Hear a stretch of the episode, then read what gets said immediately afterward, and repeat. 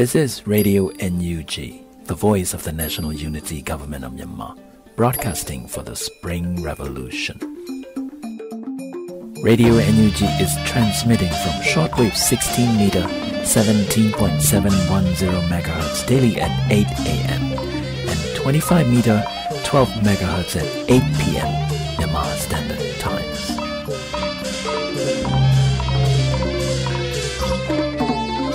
Mingla အမျိုးသားညီညွတ်ရေးအစိုးရရဲ့အသံလွှင့်ဌာန Radio NUG ကိုမနေ့၈နာရီမှာ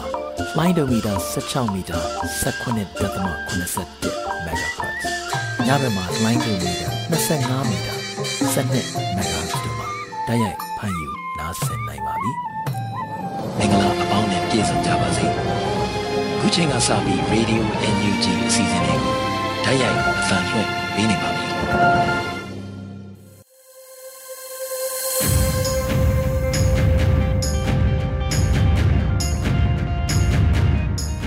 မြန်မာနိုင်ငံသူနိုင်ငံသားအပေါင်းတဘာဝပြီးဆရာနာရှင်မေတို့ကနေကင်းဝေးပြီးကိုစိတ်နှပါစမ်းမလုံးခြုံပေးကင်းကြပါစေလို့ရေဒီယို UNG အဖွဲ့သားများကဆုတောင်းမေတ္တာပို့သလိုက်ပါရရှင်။အခုချိန်ကစပြီးရေဒီယို UNG ရဲ့နောက်ဆုံးရသတင်းအကျဉ်းများကိုຫນွေဦးနှင်းစီကတင်ဆက်ပေးမှာဖြစ်ပါရရှင်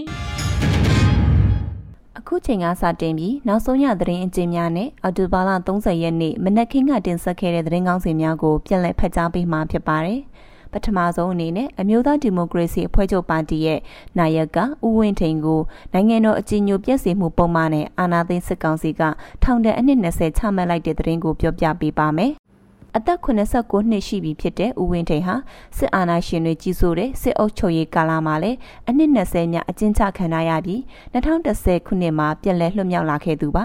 အခုတပတ်အာဏာသိမ်းစစ်ကောင်စီကပုံမှန်124ကကြီးနဲ့တရားစွဲဆိုခဲ့ရပြီးယနေ့အောက်တိုဘာလ29ရက်နေ့ရုံးချိန်မှာထောင်ဒဏ်အနှစ်20ထပ်မံချမှတ်လိုက်တယ်လို့သိရှိရပါတယ်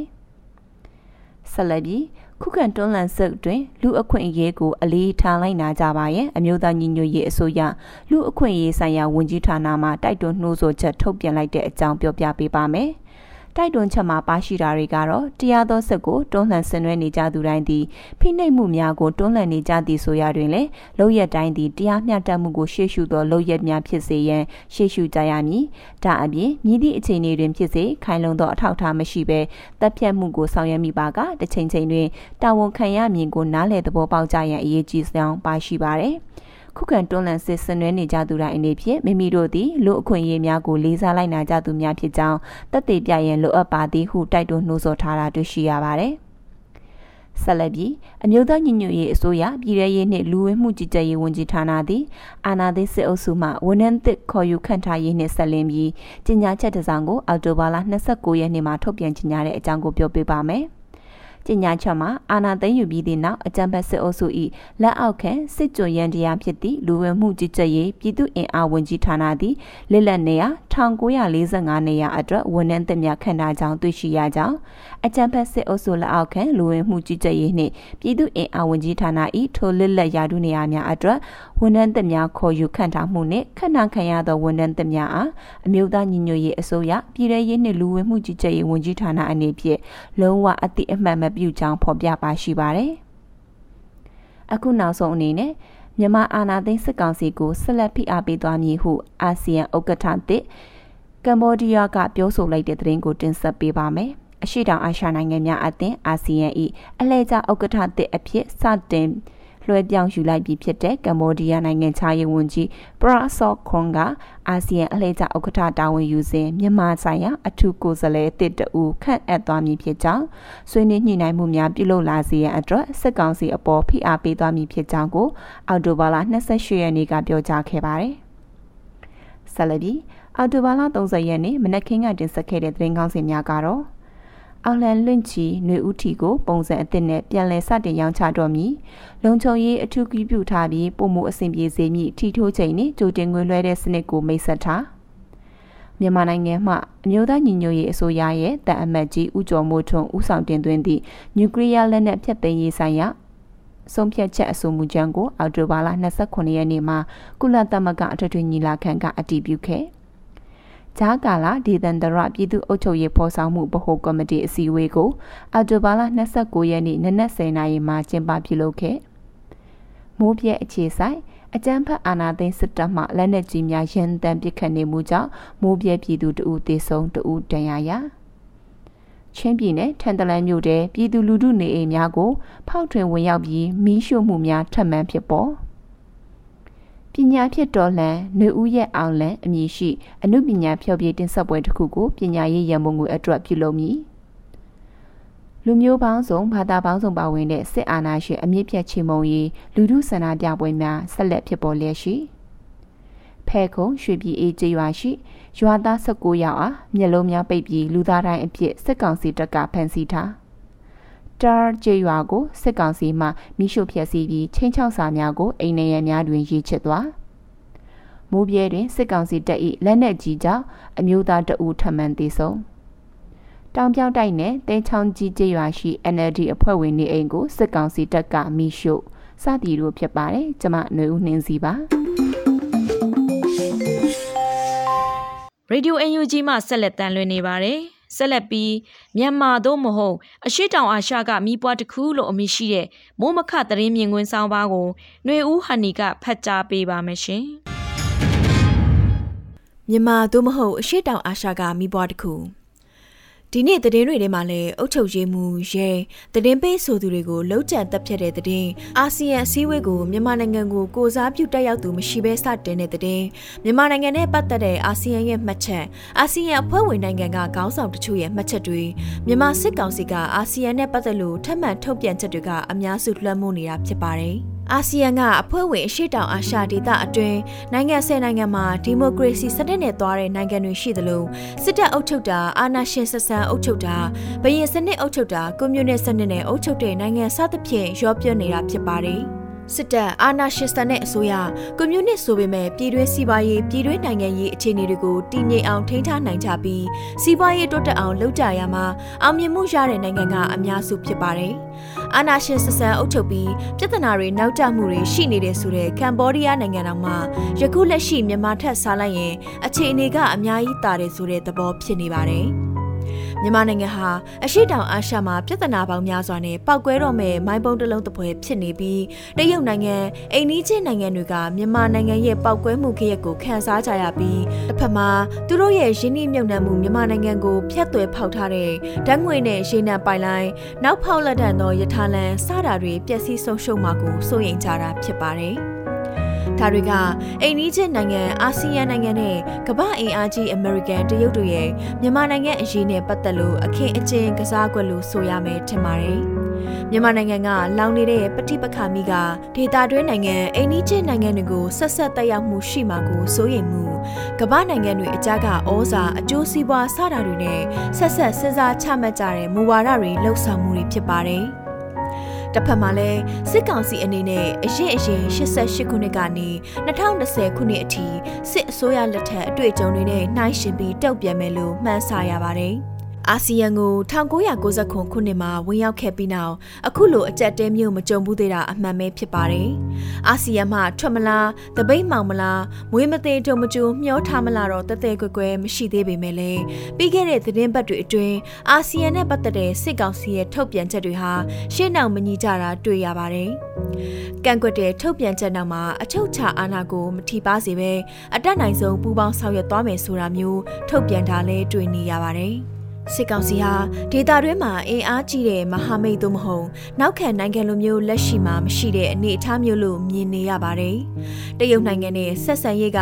အကျိုးစီးပွားပေါ်အခြေခံတာမို့လို့ကုလာမှာအနောက်နိုင်ငံတွေလိုလားတဲ့ဆုံးဖြတ်ချက်မျိုးမကြအောင်တရုတ်နဲ့ရုရှားကကာကွယ်ပေးပေမဲ့လည်းပြည်တွင်းမှာလက်နက်ကိုင်ပဋိပက္ခပိုကျပြန့်လာပြီးတရုတ်နယ်စပ်ရဲ့တည်ငြိမ်မှုအထိထိခိုက်နိုင်တဲ့လမ်းကြောင်းမျိုးကတော့တရုတ်နိုင်ငံကစန့်ကျင်တဲ့သဘောတွေ့ရပါတယ်။တရုတ်နိုင်ငံနဲ့အကျိုးစီးပွားတူတာတွေရှိသလိုအခုလိုကိစ္စတွေမှာစန့်ကျင်တာတွေရှိတာကိုစစ်ကောင်စီဘက်ကကောင်းကောင်းသဘောပေါက်တာကြောင့်ရုရှားကိုတက်နိုင်သမျှချင်းကပ်ပြီးအလေးတင်ဖို့ကြိုးစားနေတာလည်းဖြစ်ပါတယ်။တစ်ဖက်မှာရုရှားကမြန်မာနဲ့ပတ်သက်လို့စစ်ရေးအရာလေ့ကျင့်မှုတွေလုပ်ပေးနေတာအရင်စစ်အစိုးရလက်ထက်ကတည်းကဖြစ်ပြီးလက်နက်ရောင်းမှုအာဏာရှင်နိုင်ငံတနိုင်ငံကိုကာကွယ်ပေးပြီးအနောက်အုပ်စုရဲ့ဩဇာကိုတုံ့ပြန်ဖို့ဆိုတဲ့ရည်တည်ချက်လက်နက်ရောင်းရတဲ့အကျိုးစီးပွားအပြင်အိမ်နီးချင်းနိုင်ငံလည်းမဟုတ်တော့ဒီဘက်ကပဋိပက္ခမိကသူတို့နိုင်ငံတွေစီတက်ရောက်စရာအကြောင်းမရှိတာလည်းဖြစ်ပါတယ်။အခုလိုနိုင်ငံတကာဆက်ဆံရေးအိမ်နီးချင်းနိုင်ငံတွေနဲ့ဆက်ဆံရေးအင်အားကြီးနိုင်ငံတွေနဲ့ဆက်ဆံရေးကပြည်တွင်းကလက်နက်ကင်တိုက်ပွဲတွေစစ်ကောင်စီတပ်တွေကိုဖြိုချရေးမှာဘလောက်ထိတက်ရောက်မှုရှိနိုင်မလဲဆိုတဲ့မေးခွန်းတွေလည်းရှိမယ်ထင်ပါတယ်။ အခုချိန်ထိတော့ဘယ်နိုင်ငံအစိုးရတွေကမှလက်နက်ကင်တိုက်ပွဲတွေအတွက်ငွေကြေးနဲ့လက်နက်ကူညီတဲ့လက္ခဏာတော့မတွေ့ရသေးပါဘူး။တပ်တမန်အရေးရ NUG ကိုအတိုင်းအတာတစ်ခုထိထောက်ခံကြပေမဲ့လည်းစီရေးအရာတော့ဆက်ဆံရေးထောက်ပံ့ရေးတွေမရှိကြပါဘူး။မြန်မာနဲ့အိမ်နီးချင်းဖြစ်နေတဲ့တရုတ်နိုင်ငံကအာဏာသိမ်းပြီးကာစာကာလကလေးကဘယ်နိုင်ငံမှလက်ဝင်မပါကြဘူးလူသိရှင်ကြားပြောဆိုထားတာလည်းရှိပါတယ်။ ဘယ်နိုင်ငံမှလက်ဝင်မပါအောင်တရုတ်ကတတိပေးတဲ့လေသံမျိုးနဲ့ပြောဆိုတဲ့သဘောလေးတွေ့ရပါတယ်။အိမ်နီးချင်းနိုင်ငံတွေအနံလက်နက်ကင်ပဋိပက္ခရဲ့အကျိုးဆက်ဖြစ်တဲ့အယက်သားဒုက္ခတွေတွေနေဆက်ကြော်ဝင်လာနိုင်ခြင်းနေဆက်ကလက်နက်ကင်ပဋိပက္ခတွေကြောင့်အနေနဲ့အများနေဆက်ဒေသတွေထိခိုက်နိုင်ခြင်းရှိတာမို့ဘင်္ဂလားဒေ့ရှ်အိန္ဒိယထိုင်းတရုတ်တို့တတိကြီးကြီးထားစောင့်ကြည့်နေကြတာလည်းဖြစ်ပါတယ်။ စစ်အေးခေတ်လိုမျိုးမှာသာအခုလိုမြန်မာနိုင်ငံအရေးပြဿနာဖြစ်ပွားခဲ့ရင်တစ်ဖက်ကလည်းလက်ဝဲအင်အားစုတစ်ဖက်ကလည်းလက်ရာအင်အားစုအားပြိုင်တဲ့ပြည်တွင်းရေးပြဿနာလိုမျိုးဖြစ်ခဲ့ရင်မြန်မာအရေးဟာစစ်အေးအားပြိုင်မှုရဲ့စစ်မြေပြင်ဖြစ်စရာအလားအလာရှိပေမယ့်ဒီနေ့ကဘာကအဲ့ဒီခေတ်လိုအခြေအနေမျိုးမဟုတ်တော့တာကြောင့်ပြည်ပဝင်ရောက်ဆွတ်ဖက်မှုတွေဝင်လာစရာအကြောင်းကြီးကြီးမားမားမရှိတာတွေ့ရမှာဖြစ်ပါတယ်။ ကိုပြည်ရင်းရင်ကိုကိုဟာကိုရှင်းနိုင်ကြမလားသို့မဟုတ်နိုင်ငံတကာကစီးရဲမဟုတ်ပေမဲ့တွေ့ဝိုက်တဲ့ဆွတ်ဖက်မှုတွေနဲ့ရှင်းကြမလားဆိုတာတော့အခုအချိန်မှာမှန်းဆရခက်ခဲနေသေးတယ်လို့ထင်မြင်မိပါကြောင်းတင်ဆက်ပေးလိုက်ရပါတယ်ရှင်ရေဒီယို UNG မှဆက်လက်တန်လွှင့်နေပါတယ်ယခုဆက်လက်ပြီးပြည်သူ့ကာကွယ်ရေးတပ်ဖွဲ့ဝင်များနဲ့အမေးအဖြေကဏ္ဍကိုတင်ဆက်ပေးမှာဖြစ်ပါတယ်ရှင်။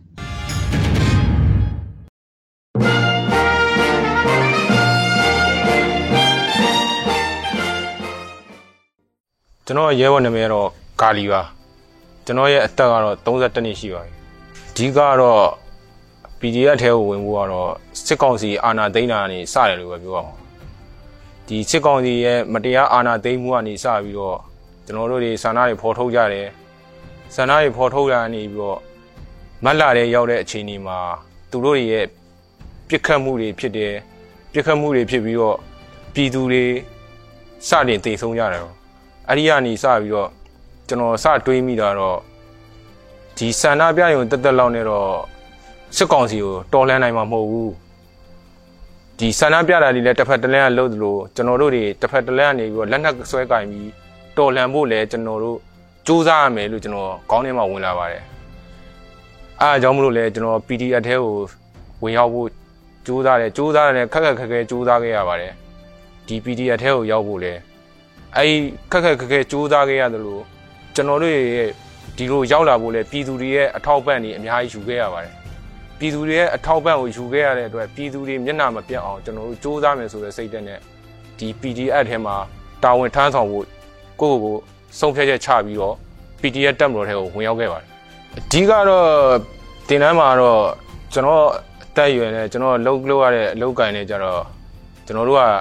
အညောင်းထိုင်သမားတွေဖြစ်တဲ့အတွက် အဓိကတော့ PD ပြေးတာတွေကိုလူငယ်တွေနဲ့ရှင်လုပ်တဲ့ကိစ္စတွေမှာမလိုက်နိုင်တာတွေရှိတာပေါ့အဲ့ဒီအချိန်မှာ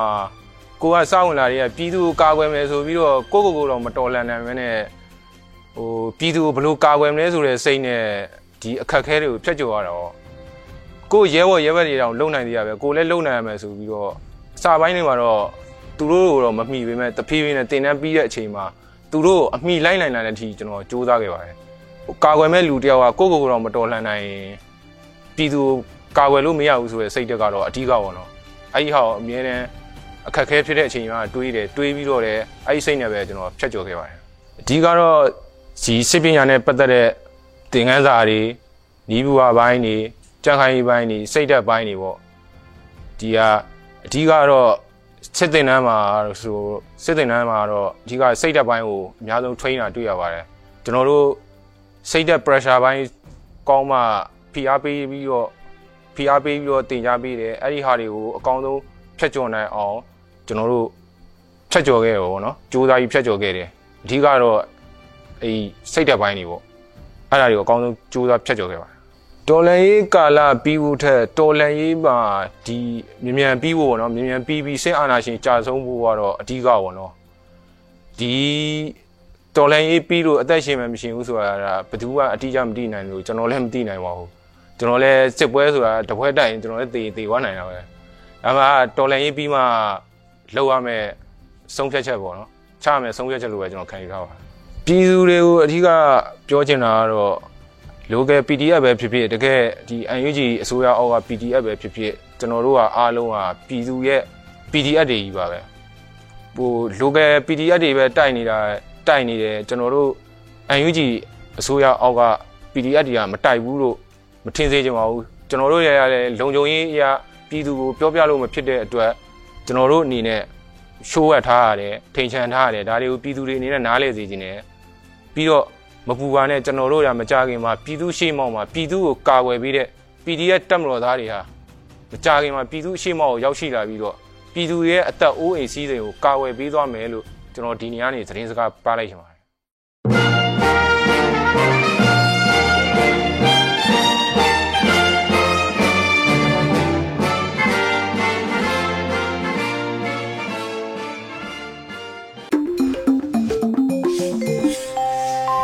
ရေဒီယို UNG မှဆက်လက်တန်လွှင့်နေပါတယ်။ Radio UNG ရဲ့တော်လန်ရေးတီးဂီတအစီအစဉ်မှ PDF ရဲဘော်များတည်ဆိုထားတဲ့ Come from People ဆိုတဲ့သချင်းကိုနားဆင်ကြရမှာဖြစ်ပါတယ်ရှင်။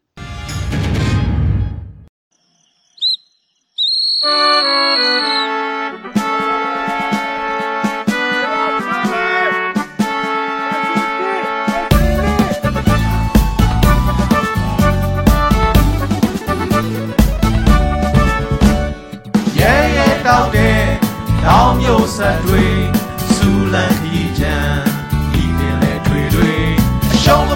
ရှေ့ဆက်ဆွဲတတ်တီတွေလူလူတော်လန်ရေးစာရီတွေအတားစီနှောင်ရှက်အထက်ထက်ရှိစေချိုးဖြတ်ဖို့တော့တို့ချီလာပြီလေတို့ရဲ့အမိမြေအကျိုးများအတွက်လေအာနာရှင်တွေမောင်းထုတ်ဆိုလေတော်လည်းဒီစေရဲ့ဘောသူမထောက်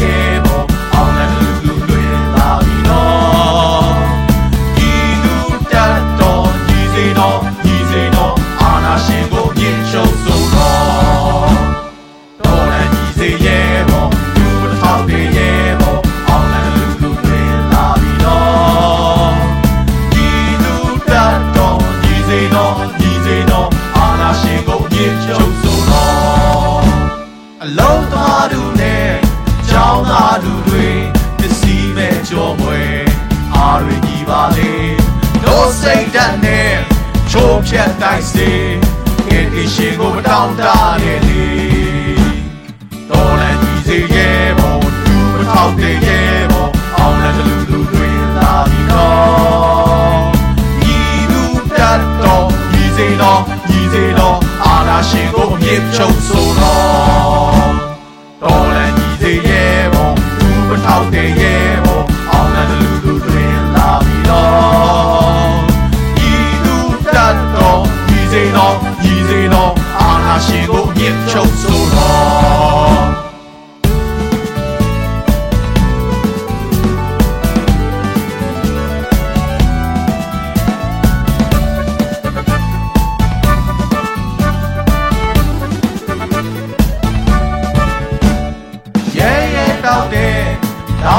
ဆက်တွေစူလန်ခီချံဒီပင်လေတွေတွေအရှုံးမပေးရှေ့ဆက်ဆွဲတတ်တီတွေလူလူတော်လန်ရေးစာရီတွေအတားစီနှောင်ရှက်အထက်ထက်ရှိစေချိုးဖြတ်ဖို့တော့တို့ချီလာပြီလေတို့ရဲ့မိမြေအချိုးများအတွက်လေအာနာရှင်တွေမောင်းဖို့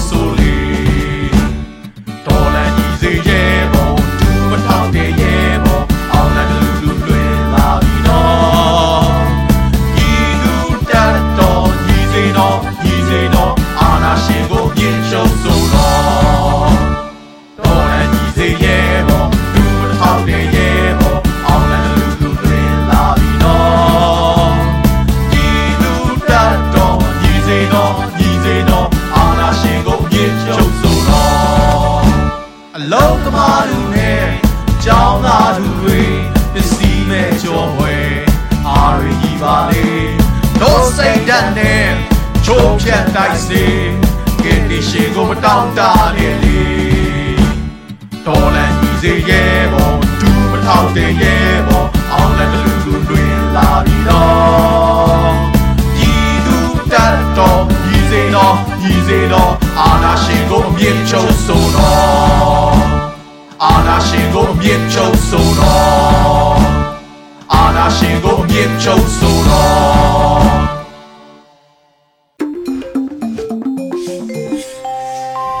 ရေဒီယို UNG မှဆက်လက်တမ်းလွှင့်နေပါတယ်ဆက်လက်ပြီးသတင်းလားချင်းလားအစီအစဉ်ကိုမျက်နှိုးအေးရတင်ဆက်ပေးမှာဖြစ်ပါတယ်ရှင်အားလုံးမင်္ဂလာပါညီမတို့မြန်လို့ရဖြစ်ပါတယ်အပတ်စဉ်တင်ဆက်ပေးနေကြဖြစ်တဲ့သတင်းနာချင်းလားအစီအစဉ်နဲ့ပြန်လည်ကြိုဆိုလိုက်ပါတယ်ဒီတစ်ပတ်မှာလည်းအင်တာနက်ပေါ်ကပြန့်နှံ့နေတဲ့သတင်းမားတွေကိုအချက်လက်စီစစ်ပြီးတော့သတင်းမားဖြစ်ကြအောင်အားလုံးကိုသိပေးသွားမှာဖြစ်ပါတယ် ဒီတစ်ပတ်သိပေးရှင်တဲ့သတင်းမားအကြောင်းအရာကတော့ NUG အစိုးရကဘာသာရေးအထစ်ကရုံဖန်တီးဖို့ကြံနေရဲဆိုပြီးတော့အကြမ်းဖက်စစ်အုပ်စုကအားပေးထောက်ခံတဲ့သူတွေနဲ့အစွန်ရောက်မဘာသားတွေကသတင်းမားဖြစ်နေတဲ့အကြောင်းဦးကြည်မြေအဖမ်းခံရတာကကျောင်းတော်ကရန်စားကြောင့်ဦးမင်းကိုနိုင်ကဖော်ကောင်လုပ်တာပါဆိုပြီးတော့အကြမ်းဖက်စစ်အုပ်စုကိုအားပေးထောက်ခံတဲ့သူတွေကဖြန့်နေတဲ့သတင်းမှအကြောင်းရနဲ့ ချင်းပြည်နယ်က CDM ဝင်ရောက်လာတဲ့ရဲမိန်တဲ့ဦးကိုတရှိုလို့ဆွဆွဲပြီးအုပ်စုဖွဲ့အဒမပြုကျင့်တယ်ဆိုပြီးတော့ပုံဖြတ်နေတဲ့သတင်းမှအကြောင်းရတော့ပဲဖြစ်ပါတယ်အရင်ဆုံးပြပြပေးခြင်းတဲ့သတင်းမှအကြောင်းအရာကတော့ NUG အစိုးရကဘာသာရေးအထစ်ကေအောင်လို့ကိုဖန်တီးနေရဲဆိုပြီးတော့အကြံဖက်စစ်အုပ်စုကိုအားပေးထောက်ခံတဲ့သူတွေနဲ့အစွန်ရောက်မဘာသာတွေကသတင်းမှဖြန့်နေတဲ့အကြောင်းပဲဖြစ်ပါတယ်။ အဲ့ဒီသတင်းမှတွေကိုအကြံဖက်စစ်အုပ်စုရဲ့ဝါဒဖြန့်ချီရေးလူမှုမီဒီယာစာမျက်နှာနဲ့ group တွေကနေစတင်ဖြန့်ဖြူးခဲ့တာပဲဖြစ်ပါတယ်။သတင်းမှတွေမှာပါဝင်တဲ့အကြောင်းအရာတွေကတော့ NUG ရဲ့ဒုတိယအကြံဖြစ်တဲ့ဘာသာရေးအထစ်ကေရုပ်ပြဿနာဖန်တီးနေကြကြောင်း NUG ဟာ PDF နဲ့မအောင်မြင်တော့ဘူးဆိုတာသိလို့ Plan B ဖြစ်တဲ့ဘာသာရေးမိုင်းတွေနဲ့ဘာသာမတူတွေရန်ဖြစ်ကြအောင်အရေးအခင်းတစ်ခုဖြစ်လာအောင်စတင်သွေးထိုးနေပါပြီဆိုပြီးတော့ စစ်အုပ်စုဝါဒဖြန့်ချီရေးစာမျက်နှာတစ်ခုဖြစ်တဲ့ The Truth ဆိုတဲ့ Facebook စာမျက်နှာကနေအောက်တိုဘာ29ရက်နေ့မှာစတင်ဖြန့်ချီခဲ့တာပဲဖြစ်ပါတယ်။အချက်လက်စစ်စစ်ချက်အရအဲ့ဒီစာမျက်နှာတော်လန်ရေးကိုပုံဖြတ်တဲ့သတင်းအမှားသတင်းအတုတွေကိုပဲရေးသားဖြန့်ဖြူးခဲ့တာဖြစ်ပြီးတော့စစ်အုပ်စုရဲ့ဝါဒဖြန့်ချီရေးစာမျက်နှာအဖြစ်ဩဂတ်လ၄ရက်နေ့ကမှစတင်ဖွင့်လှစ်ခဲ့တာပဲဖြစ်ပါတယ်။အချက်လက်တွေအရလည်းမြန်မာနိုင်ငံမှာဖြစ်ပေါ်ခဲ့တဲ့ဘာသာရေးအထီးကရုံတွေဟာ အကြမ်းဖက်စစ်အုပ်စုကိုအားပေးထောက်ခံတဲ့သူတွေနဲ့အစွန်းရောက်မဘာသာအုပ်စုဝင်တွေကြောင့်သာဖြစ်ပျက်ခဲ့တာဖြစ်ပါတယ်။ဒါပေမဲ့ဒါတွေကိုဖုံးကွယ်ပြီးတော့လက်ရှိစစ်အာဏာရှင်တွေကိုအားပေးထောက်ခံတဲ့သူတွေကဘာသာရေးအထီးကရုံတွေကို NUG အစိုးရကဖန်တီးဖို့ကြံနေတယ်ဆိုပြီးတော့ပြောဆိုနေတာကအခြေမြင့်မရှိတဲ့ပုံဖြတ်ဖို့စ조사နေတဲ့သတင်းတူသက်သက်ပဲဖြစ်တယ်ဆိုတာကိုအားလုံးကိုအသိပေးချင်ပါတယ်။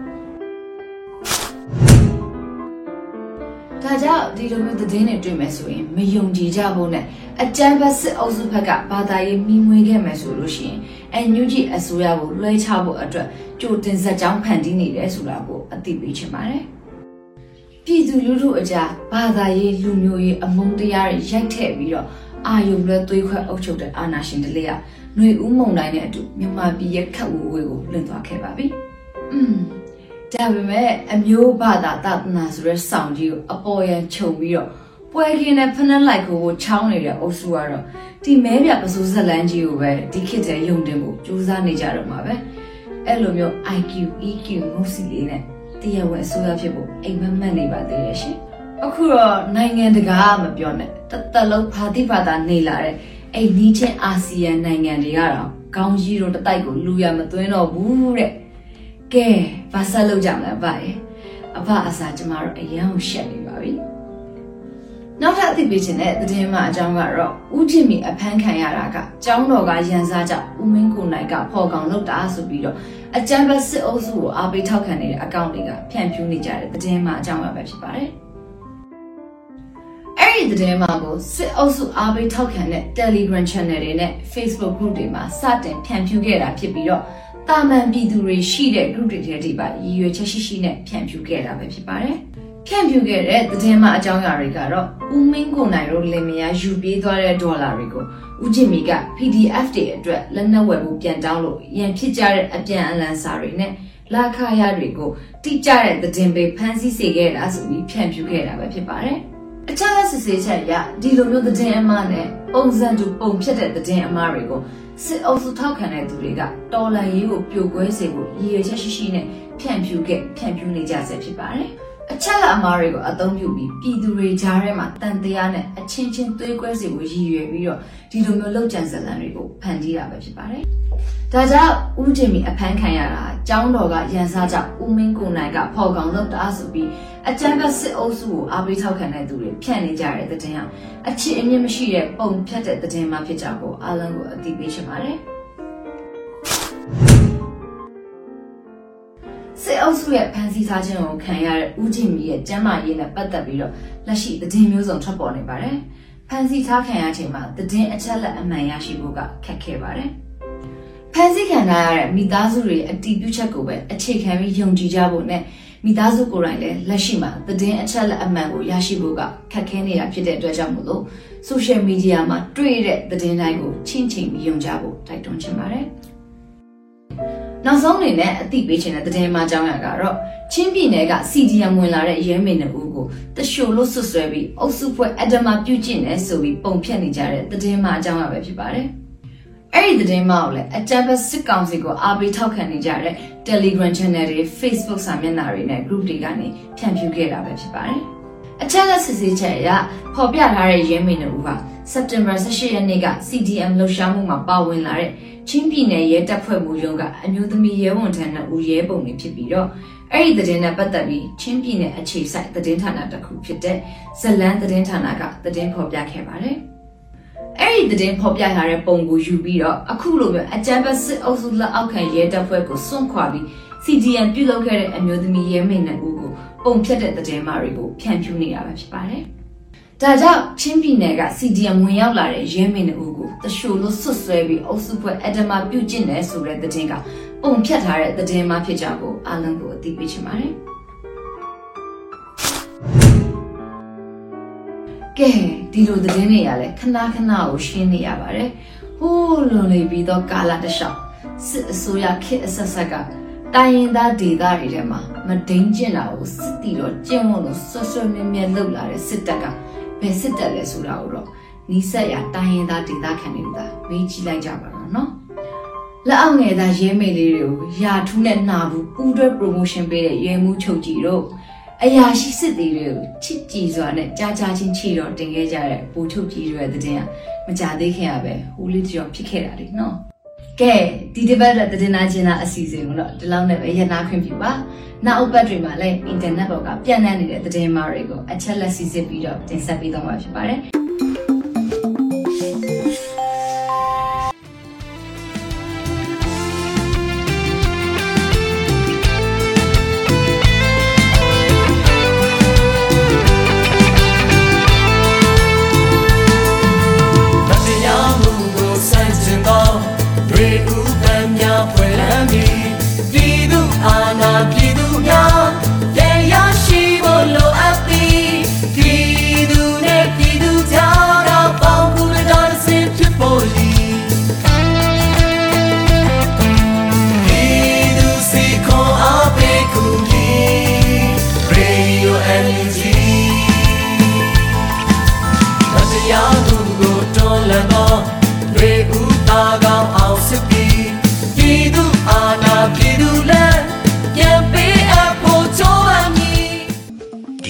ဒီညနဲ့ပဲ Radio NUG အစီအစဉ်လေးကိုကိတ္တ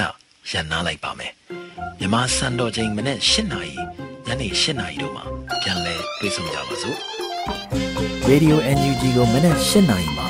flight meter 16 meter 19.87 MHz ညဘက်မှာ flight meter 25 meter 12 MHz တို့မှာတိုက်ရိုက်ဖမ်းယူနားဆင်နိုင်ပါပြီမြန်မာနိုင်ငံသူနိုင်ငံသားများ ကိုစိတ်နှပြချမ်းမာချမ်းသာလို့ဘေးကင်းလုံခြုံကြပါစေလို့ Radio NUG အဖွဲ့သူအဖွဲ့သားများဆုတောင်းပေးလိုက်ပါတယ်။အမျိုးသားညီညွတ်ရေးအစိုးရရဲ့ဆက်သွယ်ရေးသတင်းအချက်အလက်နဲ့ဤပညာဝန်ကြီးဌာနကထုတ်လွှင့်နေတဲ့ Radio NUG ဖြစ်ပါတယ်။ San Francisco Bay Area ခြေဆိုင်မြန်မာမိသားစုများနဲ့နိုင်ငံတကာကစေတနာရှင်များလုံအားပေးများရဲ့ Radio NUG ဖြစ်ပါတယ်။အရေးတော်ပုံအောင်ရမည်